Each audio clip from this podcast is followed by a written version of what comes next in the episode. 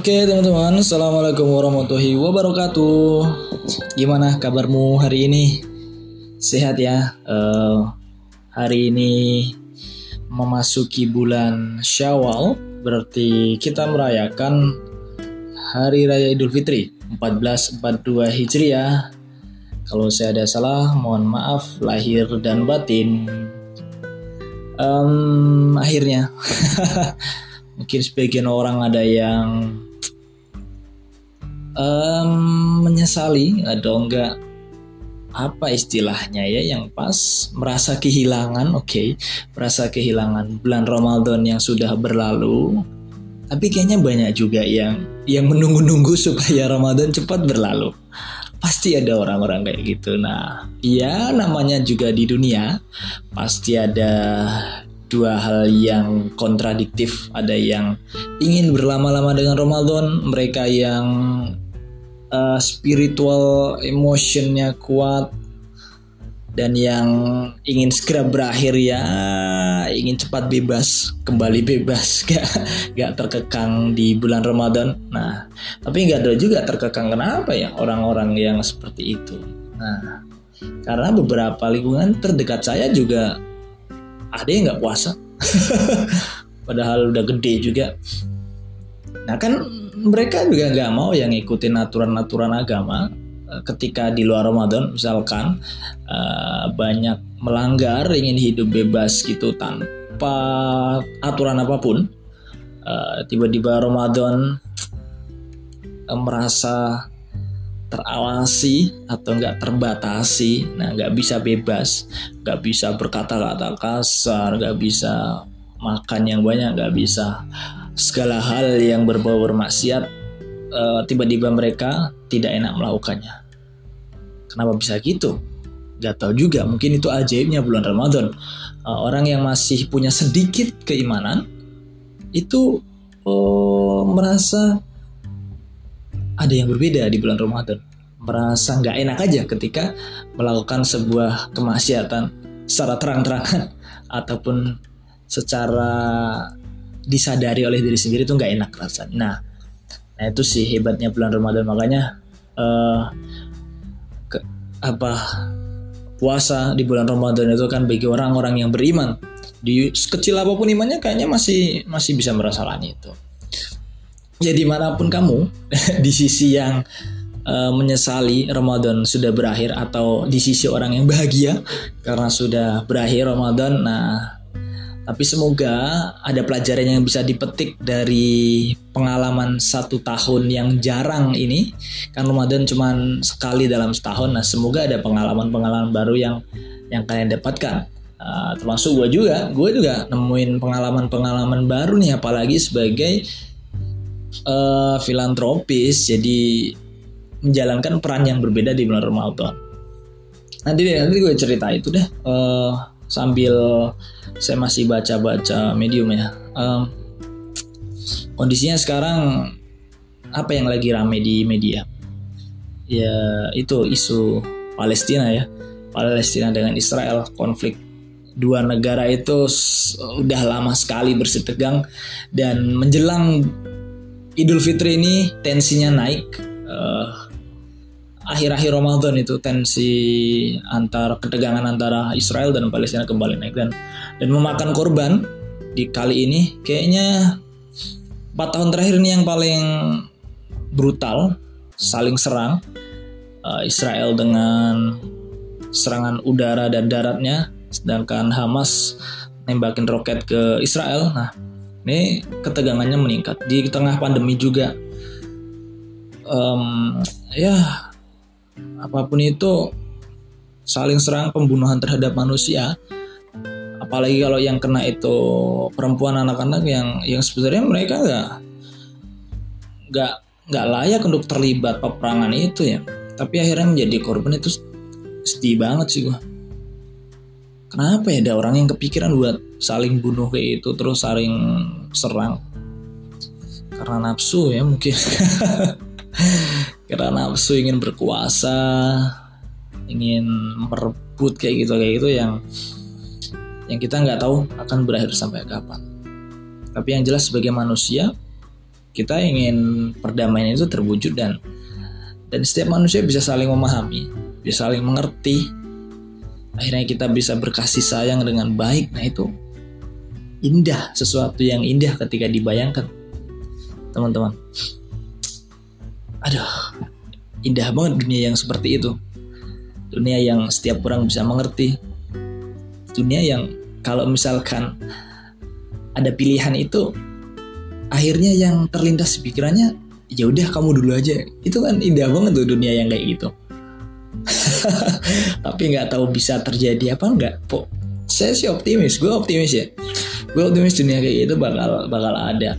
Tinggal um, sering aja dimunculkan contoh-contoh yang menebar kebaikan dan senyuman yang ketika dia dilempar dengan air got dia balas dengan air susu yang segar. Nah nah kayak gitu kayak gitu yang yang kalau sering muncul di media yang sering didengar oleh orang bukan hal yang susah untuk um, apa um, untuk menghipnotis orang supaya jadi baik.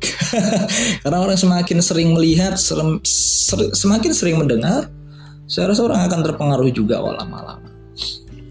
Itu ya kita doakan saudara-saudara kita di Palestina yang sebenarnya gak imbang sih kekuatannya. Israel tuh superior banget sedangkan Palestina ya secara perlengkapan militer kurang dan dan dibombardir seperti itu juga rada rada kasihan nah semoga diberi yang terbaik dilindungi saudara-saudara kita yang di Palestina. Uh, um, ya. Yeah Ramadan ini bagi gue sih terasa berbeda ya. Karena ternyata makin sibuk yang saya rasakan sih uh, makin sibuk untuk banyak beraktivitas uh, justru makin intensitasnya makin tinggi nggak kayak sebelum sebelumnya uh, ketika masuk bulan Ramadan kan rada ada yang berbeda ada yang turun gitu. Uh, secara kesibukan. Tapi ini enggak. Di Lazis datang ini di lembaga filantropi ini di lembaga Aziz ini sih rasanya masih makin makin sibuk intensitasnya di bulan Ramadan. Apalagi satu hari sebelum Syawal satu hari sebelum Idul Fitri itu kerasa beda banget sih yang gue rasain. Jadi banyak insight yang masuk ke dalam diri gue. Um, dulu ya kalau misalkan tiga hari sebelum hari raya itu udah hawanya udah libur tuh. Gue di di di kerjaan. Udah mulai longgar banget lah. Udah mulai persiapan buat buat menyambut hari raya libur-libur gitu. Uh, tapi di filantropi ini justru makin makin sibuk men. Gila sih. Dan asik juga. Asik menurut menurut gue sih asik banget jadi akhirnya gue dipertemukan dengan orang-orang yang yang sebelumnya nggak ada di bayangan gue. Um, ketika orang-orang termasuk saya, gue ya, semangat gue lagi semangat semangatnya untuk berbagi, bahkan setiap gue pulang kantor tuh banyak banget pas, pasti ada yang bagi nasi, bagi takjil makan-makan ringan gitu. Itu ada di jalan-jalan di mana pun ada. Tapi ternyata gue nemuin keluarga yang yang beli susu buat anaknya aja susah gitu loh di bulan Ramadan. Dan gue nemuin guru-guru ngaji yang yang nggak dapat THR tentu dong gaji aja dikit apalagi THR nah kayak gitu banyak teman-teman. Yang gue nemuin. Itu bikin yang yang ibu-ibu tadi yang tiba-tiba telepon saya minta bantuan susu gitu uh, sama makanan-makanan yang bergizi buat anaknya juga bikin gue khawatir juga sih. Terus kalau udah dikasih misalkan terus gimana kondisi ke depan? Kan itu juga bikin bikin gak bisa tidur ya. Apakah akan baik-baik saja? Dan keluarga itu mengalami hal di posisi itu sampai kapan? Mungkin itu yang bikin gue nggak bisa tidur kepikiran terus gitu gitu.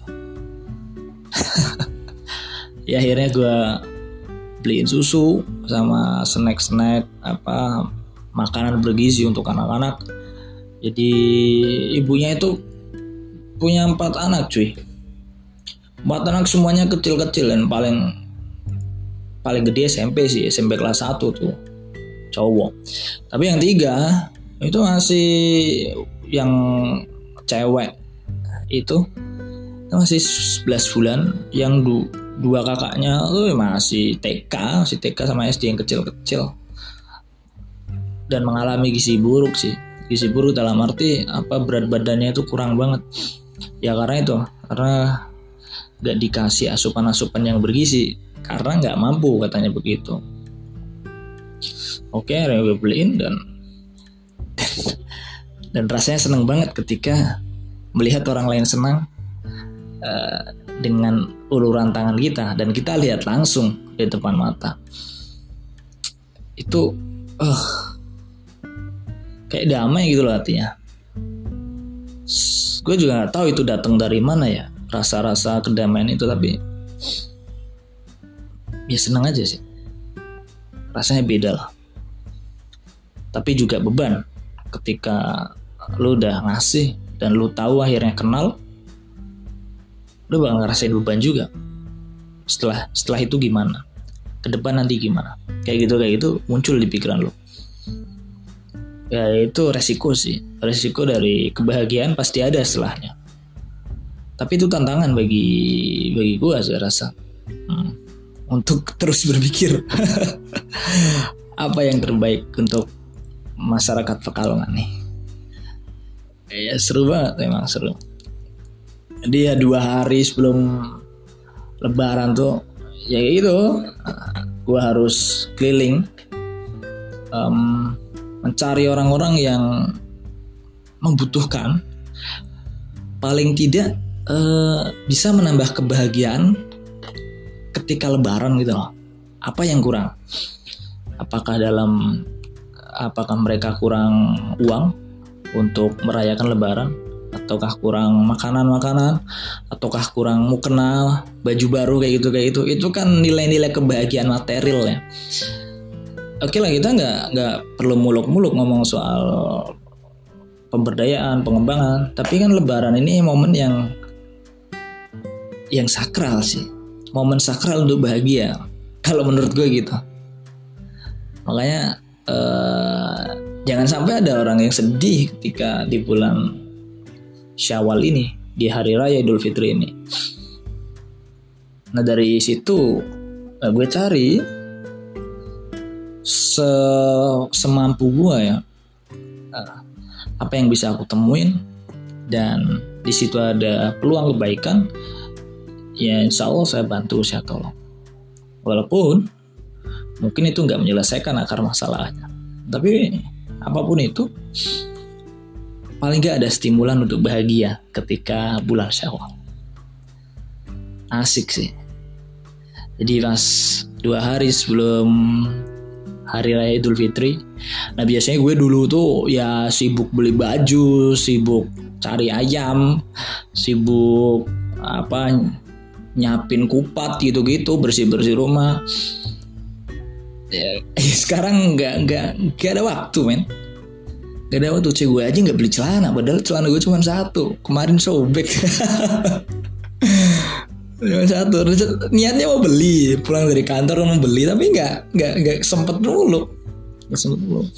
Terus ada yang ngasih Ngasih celana gitu Ternyata nggak muat. Sekarang perut gue udah gede. Ini dipakai adik gue sih. Ya itu beda. Beda banget kan. Apa gak bisa sekarang nyiapin itu. Gue aja pulang. Pulang itu pas malam takbir pulang sore. Iya gue harus cari orang-orang miskin fakir 8 asnaf penerima zakat itu. Gue harus cari untuk disalurkan eh, zakat dari para donatur yang titip ke lembaga gue gue harus cari itu dan benar-benar butuh. Mereka butuh itu yang yang validasinya yang agak lama harus nyalurin zakat nyalurin mukena-mukena nyalurin paket-paket sembako nyalurin THR untuk guru-guru ngaji. Nah itu kan eh, nggak uh, bisa dibilang santai. Mungkin kata orang lah tinggal bagi sih yang nggak gitu. Asesmennya terus gali informasinya supaya apa yang kita berikan itu ya tepat ke orang yang yang membutuhkan itu yang butuh waktu. Dan itu banyak memberikan gua hal baru. Hal baru dalam segi aktivitas ataupun pikiran. Jadi ya di tengah-tengah hiruk pikuk sih bagi-bagi nasi takjil di jalan. Dan gue juga ngelakuin sih itu. Nah, itu nggak salah. Itu bagus banget itu nilai-nilai kebaikan yang harus dijaga tapi ternyata di titik-titik di dalam-dalam kampung pelosok di pelosok-pelosok Pekalongan itu masih banyak yang yang tersenyum dengan kekurangannya gitu loh. Uh, mereka sebenarnya kurang dan senang kalau dibantu, tapi mereka nggak nggak speak up, nggak meminta, uh, tetap tersenyum. Tapi sebenarnya mereka butuh banget itu itu yang yang gue temuin.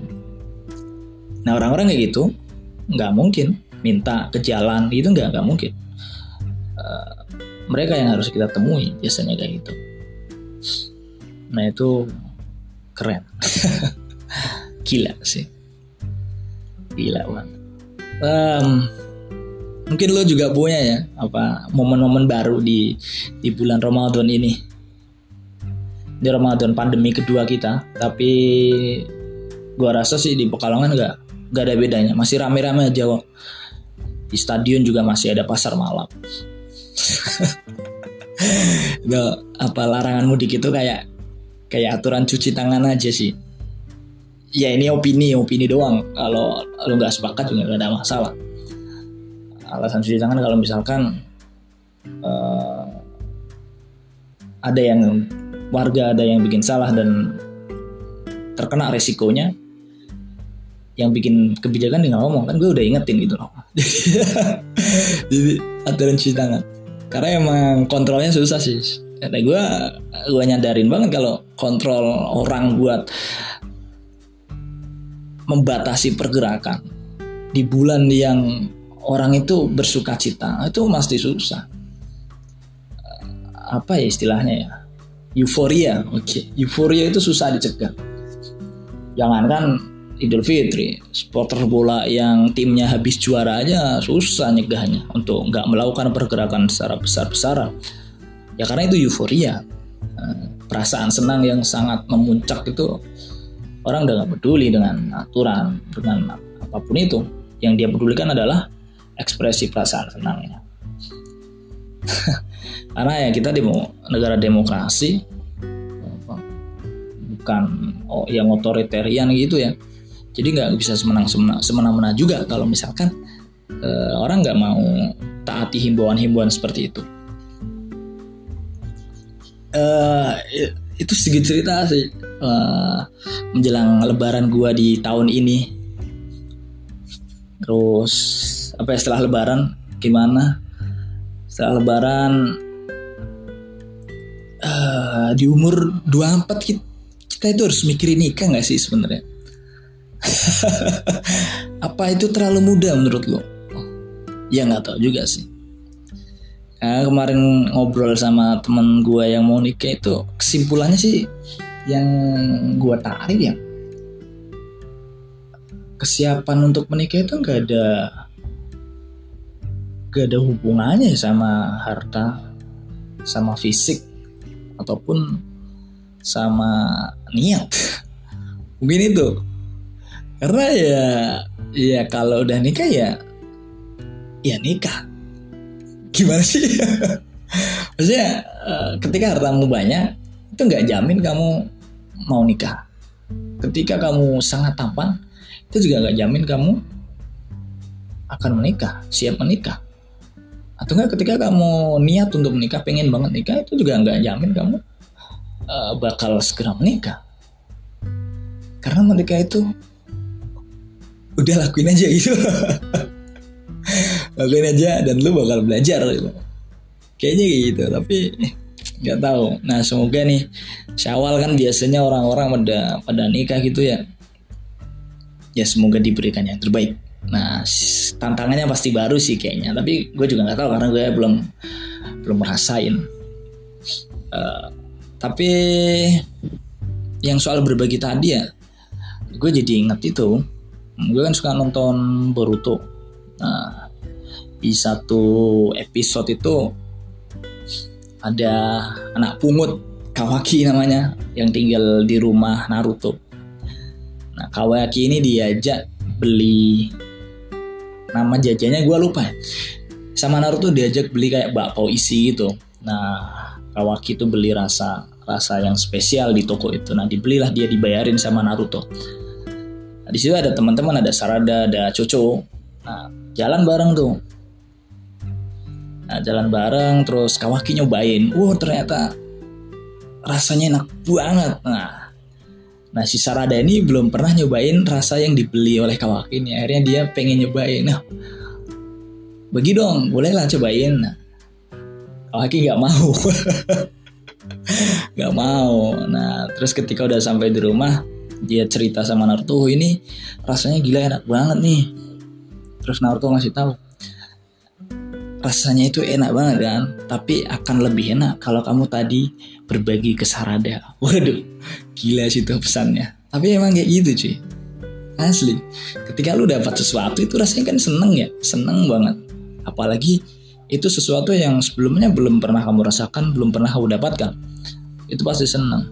Nah, ketika itu kamu bagi ke ke teman dengan perasaan senang yang sedang kamu miliki, itu ketika setelah membagi mungkin awalnya berat ya. Ini gue bagi gak ya? Kan gue lagi seneng banget gue bagi gak ya. Tapi ketika kamu berhasil mengalahkan perasaan itu akhirnya kamu bagi ke temanmu itu dua kali lipat cuy senengnya. Cobain deh.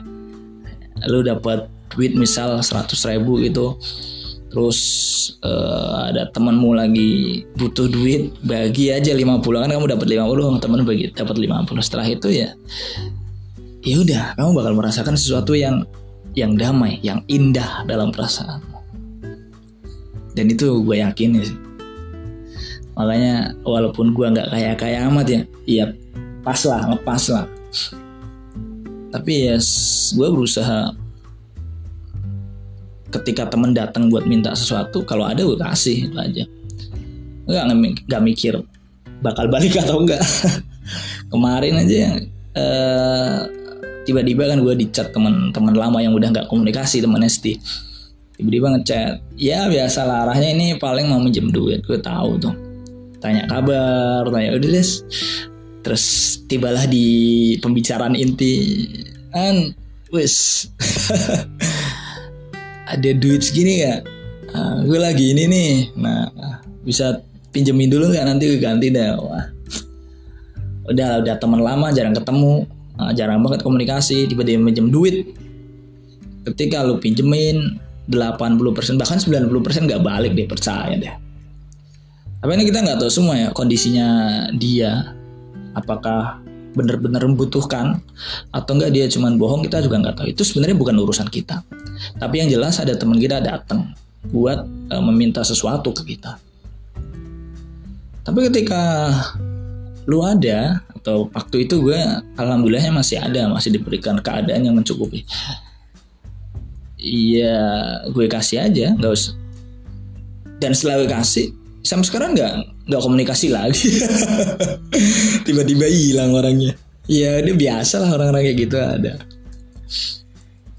Uh, ya walaupun teman-teman gue yang deket wah goblok banget sih gitu. Dipinjemin pasti nggak bakal balik. Ya iya gue tahu nggak bakal balik. Tapi kan ya itu kenal gue dan gue kenal dia. Gak enak aja nggak dipinjemin. Toh toh range nominalnya masih masih bisa dikendalikan. Ketika itu hilang pun nggak ada nggak ada pengaruhnya. Nah itu nggak nggak masalah bagi gue sih. Karena dulu dulu gue pernah di posisi gak ada duit sama sekali cuy waktu masih ngekos di Jogja itu masih jadi mahasiswa. Setelah resign dari kerjaan sih mau fokus skripsi kan gue resign dari kerjaan. Dan gak ada gak ada masukan. Cuman bertahan dari tabungan gue kerja sebelumnya. Gue bertahan dari situ. Alhamdulillah gue ada temen yang baik banget. Mau minjemin duit ke gue waktu itu dengan apa rentang waktu seminggu sih waktu itu gue inget banget. Gue minjem 300 ribu karena waktu itu duitnya mau gue jadiin buat bisnis kan duit tabungan sisa tuh buat sablon kaos gitu tapi ternyata gagal gagal sebelum memulai tapi duitnya udah kepake buat beli ini itu. Karena habis tuh nol saldo dia ya rekening. Ya udah gue pinjem mau minta orang tuh udah nggak enak udah usia 20 tahun. Nah, gue minjem dan setelah itu alhamdulillahnya ada beberapa panggilan buat ngajar ngajar private ke anak-anak itu. Akhirnya bisa deh terselamatkan hidup gue itu nah dari situ sih gue mikir kalau misalkan dulu pas gue ngomong ke teman-teman deket sih. Gue ngomong ke teman buat pinjam duit nyeritain kondisi terus tiba-tiba teman gue itu negatif thinking loh nggak bisa dibayangin sih gimana susahnya dulu. Tapi alhamdulillahnya banyak orang baik di sekitar gue nah dari situ sih dari pengalaman pribadi akhirnya ketika ada orang datang dengan ngomong saya nggak ada duit mau makan atau nggak butuh ini dan ketika gue ada ya udah gue pinjemin aja dan mungkin kalau lo bisa seperti itu keren sih. Intinya nggak usah banyak mikir lah. Tapi kalau misalkan itu di luar kemampuan lo ya ya lo tolak aja dengan cara yang baik. Karena emang lo nggak bisa tuh nggak perlu dipaksakan. Kecuali kalau lo memang sekelasnya sekelas Abu Bakar ya yang menginfakkan seluruh hartanya. Tapi sesuai kemampuan masing-masing aja sih dan gue juga bingung kenapa ada orang yang yang rela ya uh, hanya untuk uang yang gak seberapa sampai memutus silaturahmi gitu loh, memutus jaringan yang sudah dia kenal sebelumnya. Padahal kan itu rugi banget yang menurut gue. Misalkan gue minjem duit ke lu nih, gue minjem sejuta lah misalkan, gue minjem sejuta, terus kan lu tuh baik ya mau minjemin duit ke gue misalkan. Tapi tiba-tiba gue malah ngilang dan gak berkomunikasi lagi dengan lo karena nggak bisa bayar. Kan itu rugi banget. Artinya itu dan dan nutup rezeki sih menurutku. Nutup rezeki gue yang minjem yang minjem ke lu gitu loh. Padahal kan itu relasi. Dan orang-orang yang gampang minjemin duit saya rasa mereka orang baik kok asal dibicarakan dengan baik-baik. Nah misalkan gue minjem duit ke lo satu juta dan ketika gue nggak bisa bayar misalkan gue ngomong bro gue kondisinya kayak gini nih menurutmu gimana ya? Gue nggak bisa bayar yang jelas uh, apa dalam minggu ini karena gue nggak ada kondisinya kayak gini. Mau ngasih waktu lagi nggak? Nah kalau ngomong enak seperti itu kan persaudaraan akan tetap terjalin tapi kebanyakan orang lebih milih untuk kabur. Itu yang yang gak habis pikir. Padahal dengan lo kabur meninggalkan uh, goresan di orang yang minjemin lo duit yang menolong lo kan itu jadi catatan pribadi yang buruk sih. Padahal kamu bisa milih hal jalan yang lain gitu jalan bicara baik-baik Nah gue udah ketemu dua orang itu sih yang yang ketika dipinjemin duit dan ngilang, yang satu ketika dipinjemin duit eh, nggak uh, bisa bayar dan ngomong baik-baik. Nah gue udah udah ngalamin dua orang itu.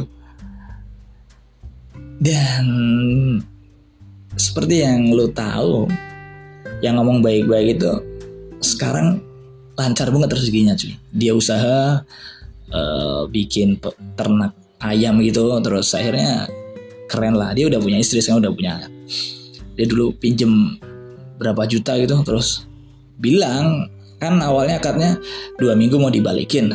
Ternyata kondisinya gak memungkinkan buat dia balikin ke gue dan ngomong akhirnya ngomong ini bro mau buat ini masih buat ini. Oke deh nggak apa-apa santai aja.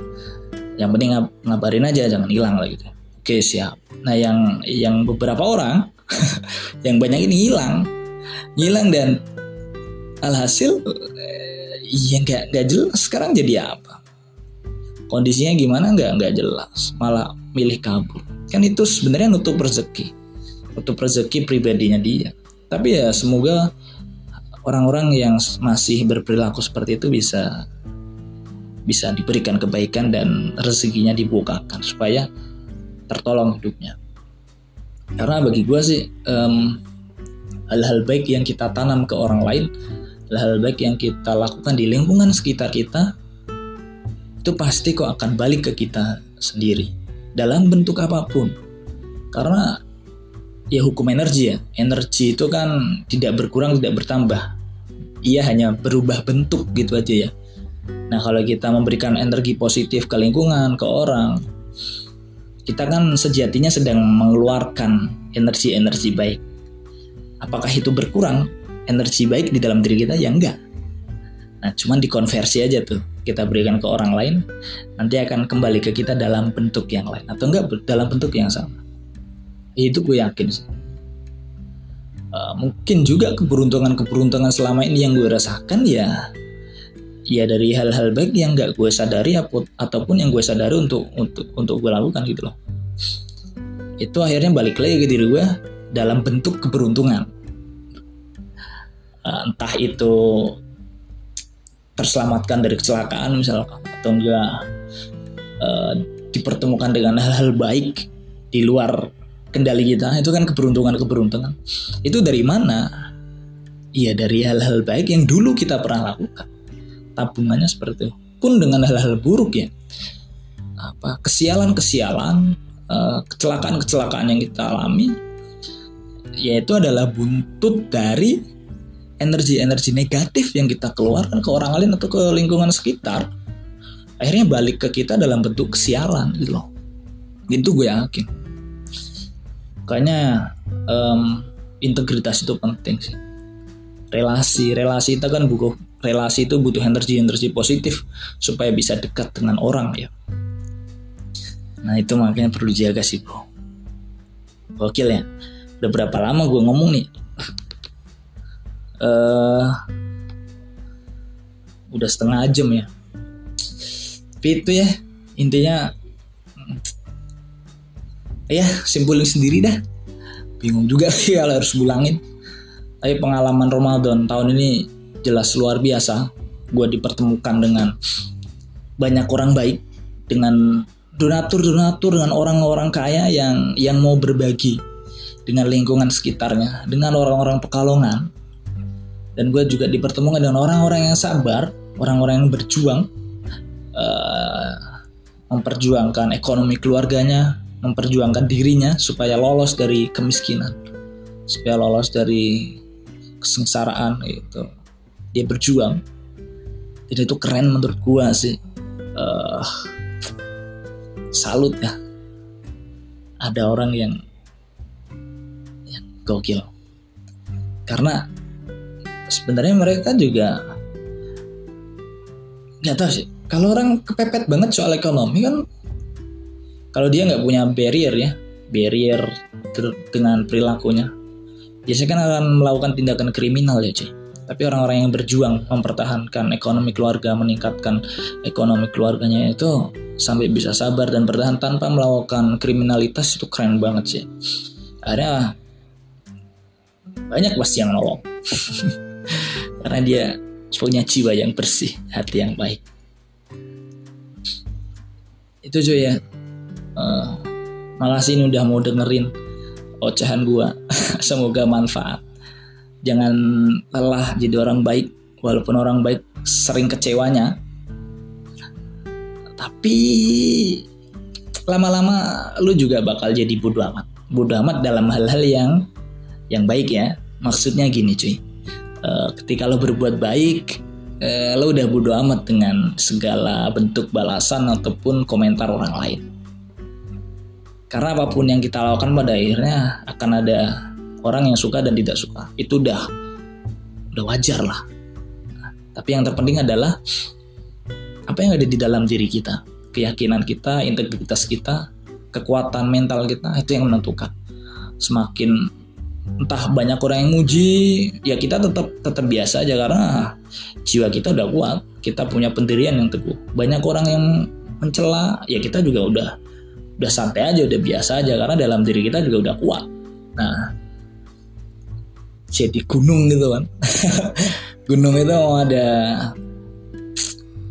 ada apa pun ya tetap kokoh aja bercokol di situ. Kecuali kalau kiamat atau nggak dirusak. Intinya gunung itu kuat kokoh. Apa? Simbol sebuah keteguhan karakter yang kuat ya gunung. Gokil sih. Semoga kita semua bisa menjadi orang-orang yang yang yakin dengan pilihan hidupnya. Oh iya gue mau cerita lagi nih. Eh, masih cukup banyak waktunya ya nggak terlalu lama. Nah, pas lebaran juga ada hal-hal unik sih lo um, mungkin lo masih itu ya ingin masih ditanyain kapan nikah? Sekarang kerja di mana? Wadis nah itu berarti pertanyaan kayaknya image lu belum terbentuk. Waduh. Gokil banget gue ngomong kayak gini. Tapi ketika ketika silaturahmi silaturahmi di keluarga dan orang beberapa orang nanyain ke lo ada kerjaan gak ada peluang kerjaan gak nah itu berarti image lu udah terbentuk lo pertanyaannya udah berubah. Nah, gue ngalamin itu sih pas uh, halal bihalal silaturahmi ke keluarga keluarga ya nggak tahu ya padahal gue ya nggak nggak kaya kaya amat. Nggak kaya malah masih miskin bang pas ngepas aja duitnya. Tapi kaget juga ketika ada beberapa orang tanya ada kerjaan nggak di sini? Ada ada peluang kerjaan nggak? Nah itu uh, seneng tapi miris juga. Uh, seneng dalam arti um, berarti sekitar gua atau enggak lingkungan terdekat gua menaruh harapan ke gua dan percaya gua berada di satu titik yang di atas mereka. Tapi sedihnya gue nggak bisa banyak nolong mereka. Nah dengan kondisi gue saat ini iya gue punya punya bisnis tapi belum belum tak jalanin sepenuhnya. Nah gue megang organisasi juga juga gue juga nggak bisa seenaknya bongkar pasang bongkar pasang kayak gitu. Tetap ada koridor yang harus dijalankan. Nah nah kayak gitu kayak itu sih yang bikin gue termotivasi buat buat bisa segera buka peluang bisnis bisnis baru yang nanti menyerap mereka yang butuh kerjaan. Mungkin sekarang masih cuman bisa dua ya uh, buat nanti setelah sawal ini ngurus angkringan. Mimpi saya sih bisa banyak akhirnya banyak yang yang bisa sambil cari nafkah dari situ. Tentunya sambil menunggu kerjaan mungkin yang lebih tinggi gajinya tapi paling enggak di situ bisa buat aktivitas yang menghasilkan duit gitu loh untuk orang-orang yang membutuhkan. Nah kalau teman-teman muda anak-anak muda punya jiwa seperti itu mulai berpikir seperti itu nah keren lah kita bisa bangun bareng tuh kota-kota kita. Kita bisa bangun bareng tuh keluarga kita masyarakat kita untuk untuk bisa nggak nganggur. Akhirnya tertolong. Ya walaupun nggak besar paling nggak ada sedikit sumbang sih lah untuk mereka. Itu sih ya um, mungkin itu aja sih malam ini. Ini gue recordnya malam sambil mainan laptop Semoga manfaat ya, cuy. Dan selamat berbahagia. Waduh, kayak apa aja selamat berbahagia. Intinya bahagia aja deh. Ini mumpung masih momennya Idul Fitri. Uh, pandemi. Tapi ya enjoy lah, bahagia aja. Insya Allah kalau misalkan lu punya keyakinan kuat, lu misalkan masih nganggur nih, tapi lu punya keyakinan kuat untuk suatu saat bakal bekerja kok suatu saat bakal ngasilin duit. Pegang aja keyakinan itu sambil terus gali skill mengasah skill cari relasi. Insya Allah eh, keyakinan itu akan membuahkan hasil yang positif sih. Karena orang-orang yang menyerah itu akhirnya dia nggak yakin dengan dirinya sendiri. Pada akhirnya dia akan nggak akan dapat sesuatu gitu karena dengan dirinya sendiri aja nggak yakin, apalagi orang lain. Orang lain nggak mungkin yakin dengan dirinya. Itu aja. Gue bermanfaat. Assalamualaikum warahmatullahi wabarakatuh.